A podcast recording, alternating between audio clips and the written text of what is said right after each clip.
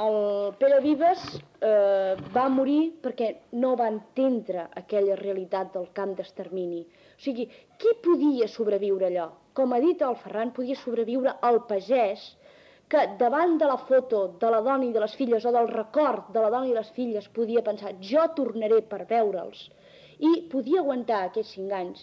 Podia sobreviure a l'home que estava organitzat en un partit polític, però els altres podien sobreviure? O sigui, en el cas de, del Pere Vives, quan va arribar a Mauthausen, quan es va trobar amb aquella cosa impossible d'imaginar-se, vull dir, es va anar tancant més i més i més fins que el van portar a la infermeria i un bon dia li van posar una injecció de benzina al cor.